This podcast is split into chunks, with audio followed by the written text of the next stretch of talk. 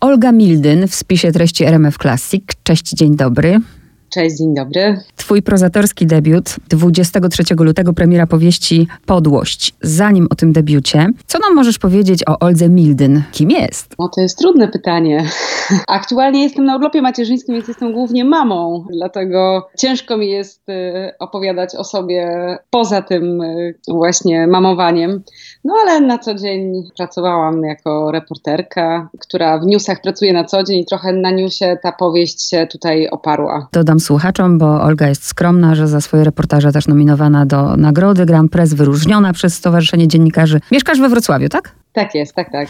Jak reporterka, dziennikarka, bo, bo wiem o tym, ile to jest pracy, ma czas, żeby napisać jeszcze taką grubą powieść. 500 stron tutaj mamy, ale powiedziałaś, że jesteś na urlopie macierzyńskim i mówię, a to pewnie dlatego, ale z drugiej strony, no raczej przy małym dziecku to też nie ma czasu, żeby pisać. Nie ma, nie ma. Powieść powstała jeszcze przed y, urodzeniem się dziecka mojego, więc y, rzeczywiście musiałam tutaj jakoś zmobilizować się do pisania, ale chyba tak jest, że jak pomysł tak niesie, e, historia niesie, aż chce się spędzać czas z tymi bohaterami, no to łatwiej jest siąść e, do tej pracy. I tak było w tym przypadku. Ja się bardzo związałam z tymi bohaterami, których trochę jednak tutaj jest. Dużo naprawdę czasu z nimi spędziłam, ale to był taki dobry czas. Powiedz jeszcze, czy to jest debiutancka powieść i oczywiście teraz będą się sypały co roku trzy Olgi Mildyn? Czy, czy to było jakieś spełnienie marzenia, taka potrzeba? No, chciałabym znaleźć czas, żeby się sypały trzy Olgi Mildyn co roku. Myślę, że tyle czasu nie będę miała na to, na razie przynajmniej tak mi się wydaje. Ale tak, to było zawsze moje marzenie, żeby, opowiadać historię ludzi, mimo że jest to fikcja, no to jednak, żeby stworzyć takiego bohatera, no to trzeba jakby czerpać z tych prawdziwych e, ludzi, tak ja mam wrażenie, jakby wymyślić tego fikcyjnego człowieka w taki sposób, żeby on był z krwi i kości. Właśnie stworzone obcowanie z takimi ludźmi, z tym właśnie zastanawianiem się, co kto może zrobić, jeżeli jest taki, a jeżeli jest inny, to jakby się zachował, jest dla mnie bardzo interesujące w tej pracy codziennej reporterki. No rzeczywiście z tymi żywymi ludźmi kontakt jednak nie zawsze tak nas wpuszczą do swojego życia głęboko, jak taki fikcyjny bohater to może zrobić i ma ochotę zrobić. Ja tak krążę na razie i jeszcze pokrążę, zanim jakby wejdziemy do środka. Kiedy zaczęłam czytać tę powieść, to mówię też do ciebie i do słuchaczy, to miałam wrażenie, naprawdę, na początku miałam wrażenie, że ja w ogóle czytam kryminał. Za chwilę mówię, to jest powieść socjologiczna. Za, za chwilę mówię, to jest powieść filozoficzna. Gdzie ty byś chciała, żeby, nie wiem, jesteśmy w Empiku, w którym dziale znajdowała się twoja książka? W dziale bestsellerów. Ale na przykład jak ją wrzucą w kryminały, to nie będzie krzywdzące? Kiedy zaczęłam z wydawnictwem rozmawiać o tej książce, to rozmawialiśmy o niej jako o kryminale, ale moja redaktor prowadząca, kiedy już dostała całą tą powieść, powiedziała mi, nie, nie wolno tam wrzucić tej książki, musimy ją wyciągnąć z tej półki i wydać jako literaturę piękną, co mnie no, wzruszyło tak naprawdę, bo oczywiście wiem, że ta powieść nie jest takim stricte kryminałem. Dzieje się tam e, kryminalna jakaś fabuła, jest tam wątek kryminalny i tak myślałam, że trochę będzie to szufladkowane, jednak nie. Cieszy mnie to, dlatego że bardzo chciałam pokazać życie wewnętrzne tych ludzi, ich decyzje, wybory, nie tylko samą zagadkę, i pokazać rozwiązanie tej zagadki. I cieszę się, że tak jest odczytywana. To jest bardzo miłe słyszeć mi takie słowa. Ta historia jest jakby, jakby zaczynem tego wszystkiego, co się dzieje dalej. Powiedziałaś już w sumie, że wzięłaś inspirację z prawdziwego wydarzenia. No to teraz możemy zdradzić to, co możemy zdradzić. Jakiego wydarzenia? Co cię zainspirowało? Rzeczywiście było takie wydarzenie, że doszło do wypadku w którym zginęły cztery osoby, ojciec z trójką dzieci. Do wypadku doszło w ten sposób, że mm, e, prawdopodobnie mężczyzna stracił panowanie nad kierownicą, wjechał pod rozpędzony z drugiej strony mm, inny samochód, no i wszyscy zginęli na miejscu. I kiedy policjanci pojechali na miejsce do domu rodzinnego, okazało się, że w tym domu leży w swoim łóżku zamordowana matka tych dzieci, żona tego mężczyzny. Ja nie wiem, jak tam ta historia się skończyła, specjalnie nie sprawdzałam nie zaglądałam w akta sprawy, ale pamiętam, że bardzo zaintrygowało to mnie i ludzi, z którymi o tym rozmawiałam. Zastanawialiśmy się, co tam się mogło wydarzyć. No, jest to tak nie codzienna historia, że można mnożyć scenariusze do tego, co, co się tam mogło wydarzyć, a wszystkie wydają się takie płaskie. No i dlatego starałam się jakby stworzyć tutaj jakby alternatywną tą historię i pokazać, co mogłoby się wydarzyć. Odcinam się od tamtej historii zupełnie, poza tylko tą inspiracją. Ponieważ tę powieść, znów zwracam się się do słuchaczy, można czytać naprawdę na wielu poziomach, to jeżeli ktoś będzie chciał tylko tego, czyli mamy tę zagadkę, mamy tę śmierć, to drodzy słuchacze, znajdziecie rozwiązanie tego, spokojnie możecie czytać tylko tak. Ja się teraz skupiam na tym, co mnie najbardziej interesuje. To, to nie jest zarzut, nie odbierz tego źle, ale wiesz, zrobiło mi się strasznie smutno. Jak, jak po prostu skończyłam tę powieść. Smutno, refleksyjnie też, do tego dojdziemy, ale przede wszystkim pomyślałam, czy ty jesteś teraz w takim nastroju, bo rozumiem, że za tymi bohaterami, za tym wszystkim jesteś ty i jakby chcesz troszkę dać swój głos tego, co widzisz dookoła. No mam takie wrażenie, że można czytać tę powieść w taki sposób, że to życie nasze jest y, jakieś takie mm, smutne, ale wydaje mi się, że mimo, że tragedie w życiu każdego z nas się dzieją i każdy z nas jest pewnie co jakiś czas smutny ze swoich powodów, no to jest tam dużo jasnego słońca, tak? Mi się wydaje, że daje nadzieję. Spod tej podłości tytułowej wychodzi jakaś taka walka o przyzwoitość, o to, żeby jednak żyło nam się między sobą dobrze i że powinniśmy mimo wszystko do tego dążyć, bez względu na to, w jakich sytuacjach jesteśmy i co nam się w życiach dzieje. Bruno Namiotko, przedstaw nam go. Jest to młody, dobrze zapowiadający się mm, doktor socjologii, który no, chce coś ze swoim życiem zrobić. Denerwuje go miejsce, do którego dotarł w życiu, mimo że docierał tam e, z uporem, no bo jednak, żeby stać się doktorem, no trzeba taką drogę obrać i skutecznie krok po kroku dążyć do tego tytułu pracami naukowymi, właśnie pracą dydaktyczną. No i on dociera do tego momentu, w którym już ma to wszystko, co chciał mieć, no i jest niezadowolony ze swojego życia. On jest generalnie ze wszystkiego niezadowolony, ale ze swojego życia bardzo jest niezadowolony i chce coś zmienić, chce jakoś udowodnić sobie pewnie głównie, ale też y, ludziom, z którymi ma kontakt, że jest y, coś wart y, i że potrafi jakiegoś przełomu dokonać naukowego, w jego mniemaniu może naukowego, związanego z jego pracą. No i dokonuje, mam wrażenie, sporego przełomu, o czym nie będę chyba mówić, żeby tutaj czytelnikom nie, nie zdradzać, ale no mam wrażenie, że wpada na dosyć ciekawy pomysł.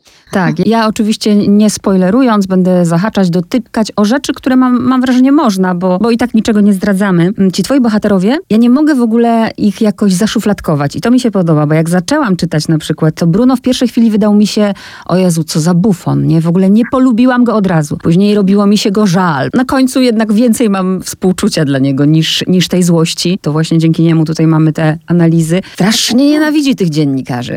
No nie, nie, nie, nie, nie lubi, ale mam wrażenie, że trochę jednak e, w, ostatnio jest e, takich e, ludzi, którzy mają do mediów jakieś pretensje i bardzo starają się je na wierzch wyrzucić w internecie, w komentarzach. No i cóż, no, tacy są, a my ich widzimy tylko po tym fragmencie i też mam wrażenie, że ta książka może pokazać, że może nie zawsze warto ich oceniać po tym fragmencie, który widzimy na pierwszy rzut oka to też jest taki paradoks, że sam wszystko ocenia, a nie chce być oceniany. Kasia Kuczyńska, zadam wprost pytanie, czy to jest odzwierciedlenie trochę Olgi Milden? Na pewno są tam jakieś moje elementy, ale nie, nie, nie. Myślę, że nie, chociaż bardzo ją polubiłam i myślę, że to jest fajna dziewczyna. E, myślę, że bym chciała mieć taką koleżankę. Powiedz coś o niej e, słuchaczom. To jest reporterka, która pracuje w telewizji, robi materiały telewizyjne, co za tym idzie, no, bierze udział w tym takim kołowrotku pracy telewizyjnej, czyli ciągle gdzieś jest zdjęcie, zdjęciach, ciągle jest zajęta, ciągle musi pracować nad wyszukiwaniem tematu, sprawdzaniem tych tematów, no, jeździ na zdjęcia, montuje, ma kontakt z ludźmi, ma bardzo, bardzo, bardzo dużo obowiązków, e, przez co mam wrażenie trochę nie do końca ma czasu na swoje własne życie, a może nie chce mieć czasu na własne życie. No i w pewnym momencie dociera do niej informacja o wypadku, do którym, o którym mówiłyśmy na samym początku. I jak się okazuje, to nie będzie tylko chyba temat na temat e, do zrobienia, e, ale również temat do przepracowania swojej własnej historii, swojego własnego patrzenia na siebie, e, może trochę na, do zwolnienia z tym życiem, na pewno do spojrzenia w inny sposób na, na wiele, wiele rzeczy. W sumie to nie wiem, trochę mi odpowiedziałaś, a trochę nie. Z jednej strony ona właśnie wydawała mi się taka, no tyle się zła dzieje, ona się angażuje, ona chce pomóc, a na, i tu wyczytałam właśnie, że odkąd stara się żyć cierpieniem innych bardziej niż własnym, przynosi to zbawienne rezultaty, bo przestaje myśleć o sobie. I też się zastanawiałam, czy Kaśka zajmując się tym, czym się zajmuje, sobie czegoś nie załatwia. No właśnie, tak. No z jednej strony ta praca e, dziennikarza, no sam musisz przyznać, jest bardzo angażująca i pozwala ci trochę rezygnować z tego własnego naszego życia kosztem tego, żeby żyć trochę życiem innych. No taką mamy pracę, ale też taką sobie pracę wybieramy. Nie chcę tutaj niczego złego oczywiście powiedzieć, bo mm, o, o tej pracy, ale jednak można czasami takie odnieść wrażenie, że da się zapracowywać po to, żeby trochę nie mieć czasu na e, własne życie albo nie pomyśleć sobie na temat e, życia, nie zastanowić się, nie dać sobie tego czasu, bo to czasem jest trudne wbrew pozorom.